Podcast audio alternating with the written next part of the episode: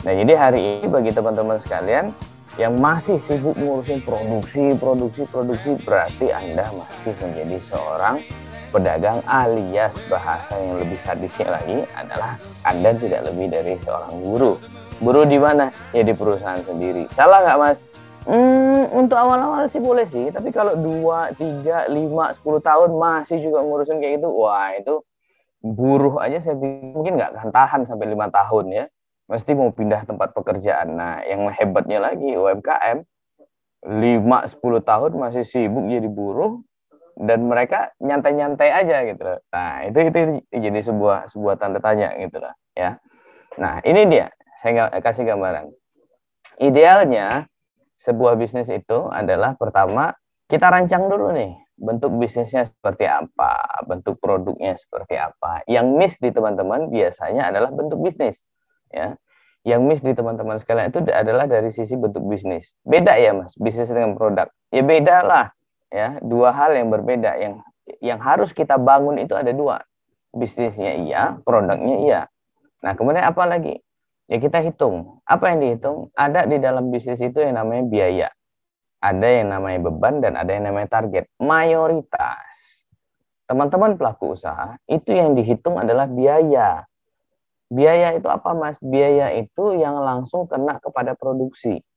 Ya. Mereka lupa ada beban. Beban itu apa? Beban itu banyak sekali ya.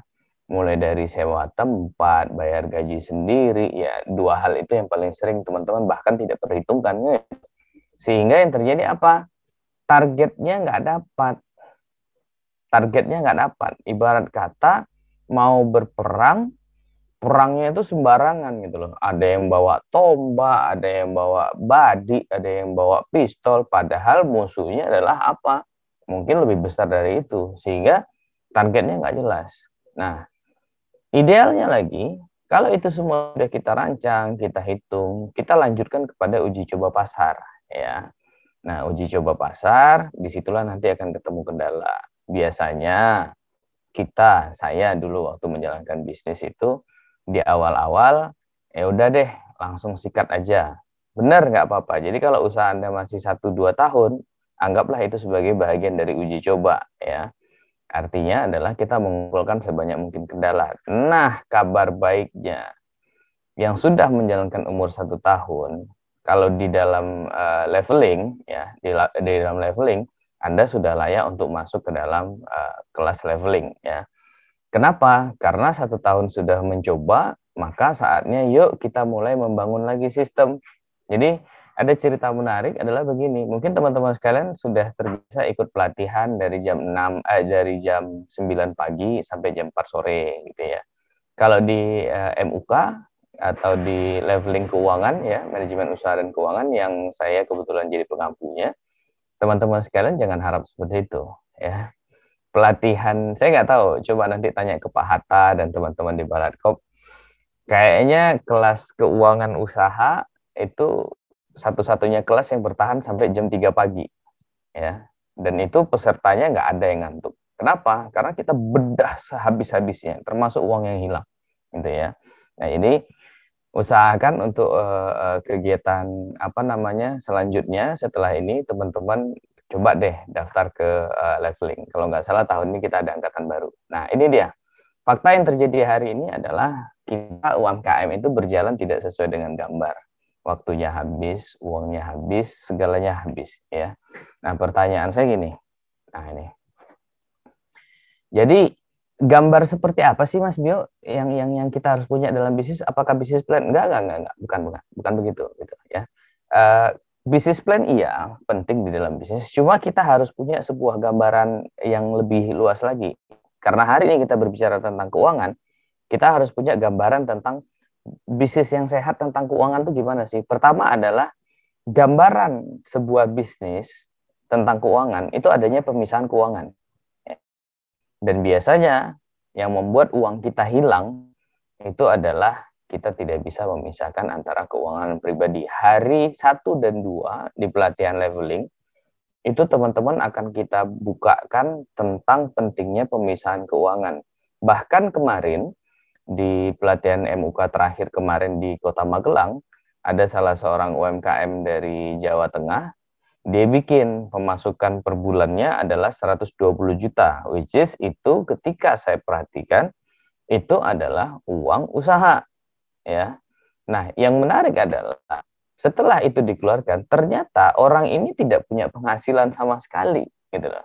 Kenapa? Karena ternyata di dalam menjalankan bisnisnya dia nggak pernah dibayar gajinya, dan dia berpikir seluruh total uh, usaha apa pendapatan yang dia dapat di usaha atau untung itu itu adalah miliknya dia nggak bisa.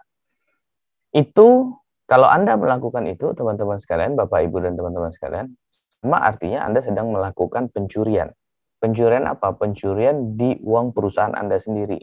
Kalau misalkan itu uang usaha Anda nggak kelihatan. Kalau itu usaha orang lain, Anda sedang mem, me, me, apa namanya? sedang memupuk bibit untuk menjadi pencuri. Nah, kan itu yang harus hati-hati. Ya, yang kedua, kita bicara tentang hitungan awal. Dalam sebuah bisnis itu ada sebuah hitungan. Hitungan apa? Hitungan kapan ini akan balik modal. Ya, hitungan kapan kondisi minim yang saya harus pertahankan ya dan itu nanti berdampak kepada target. Nah, pertanyaannya apakah teman-teman punya nggak hitungan HPP awal, hitungan harga jual awal, berapa sih modal yang dipakai di awal, berapa sih utang? Mayoritas dari pengalaman saya, baik di bisnis saya maupun hampir uh, sekitar saya sudah ketemu dan melatih orang jutaan di Indonesia selama 15 tahun terakhir ya mayoritas yang terjadi adalah teman-teman itu tidak kalaupun mereka punya hitungan awal biasanya salah dan keliru ya. Nah habis itu baru kita bicara tentang pencatatan kalau di dalam keuangan. Jadi jangan anda mencatat dulu kalau belum anda menghitung ya. Nah yang lucu yang lucunya adalah biasanya banyak ini mohon maaf ya pengalaman saya melihat uh, banyak sekali kelas-kelas keuangan yang diajarkan entah itu oleh praktisi financial planning yang sudah bersertifikat atau apa gitu kan. Kayak kemarin OJK uh, eh, sempat undang saya uh, karena saya nggak punya sertifikasi financial planning uh, ya nggak apa-apa saya saya nggak peduli itu. Bahkan teman-teman yang punya financial uh, sertifikasi financial planner aja kadang konsultasi sama saya gimana mas cara kami dapat duit? Gitu loh. Ya karena sertifikat itu nggak bisa menghasilkan duit serta merta gitu loh. Kalaupun bisa ya harus berpikir gimana caranya. Nah yang lucunya banyak yang mengajarkan tentang keuangan bicara tentang pencatatan. Mereka nggak ngajarin tentang hitungan kita di awal. Makanya kenapa UMKM itu paling stres kalau sudah bicara tentang akuntansi. Ya paling stres bicara akuntansi. Waduh repot ini berat banget nih gitu ya.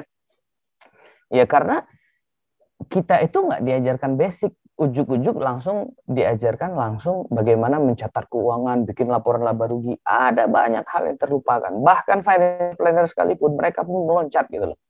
Ya. Nah, itu yang harus saya sampaikan. Beda antara praktisi dan para pemilik sertifikasi mungkin di situ gitu ya. Nah, sekarang gini. Oke, Mas, kami sudah dapat nih gambaran dalam bisnis berarti ini ya. Oke. Nah, sekarang saya tanyakan ke teman-teman sekalian. Kalau Anda punya duit, kalau Anda punya duit, kemudian ada teman Anda bilang, eh, uh, you invest dong di bisnis saya. Kira-kira tanya apa yang muncul di teman-teman sekalian? Tentu pertanyaannya mau mau duit berapa gitu, berapa banyak, mau buat apa, ya, kapan kembali, berapa pengembaliannya? Kan ada tanya gitu ya. Sekarang saya tanya, pernah nggak mempertanyakan hal itu di bisnis Anda sendiri? Ya, kalau Anda nggak bisa menjawab, mending hari ini usahanya ditutup, ya usahanya ditutup, uang yang tersisa Anda investasikan ke usaha teman Anda. Ya. Nggak lucu dong ketika ada orang lain nawarkan bisnis yang real depan mata, ada hitungannya, kita malah menghabiskan duit kita ke dalam sebuah bisnis yang kita sendiri nggak pernah ngitung gitu. Ya, itulah makanya kenapa UMKM mindsetnya cuma gitu gitu aja gitu loh. Ya. Nah, ini dia. Kan tragis ya. Ya, Tuh, Mbak Afia langsung senyum-senyum deh ngeliat itu ya. Tragis itu ya. Nah, yuk kita sekarang mulai cari uang yang hilang. Mbak Afia, ini paling 20 menit lagi selesai, Mbak. Ya, nanti biar banyak tanya aja. Ya. Karena kalau mau bicara teknisnya nanti ada di uh, leveling keuangan itu ya. Oke. Yuk kita cari uang yang hilang. Pertama, sebelum kita cari uang yang hilang, saya minta semua peserta 90 orang yang hadir di ruangan ini tolong hitungkan kalau saya uh, kalau Anda ya mau jualan tumbler, tumbler katakanlah Anda ambil di saya ya. Anda ambil di saya harganya 20.000. Terus agar Anda dapat keuntungan 30%, berapakah yang harus dijual?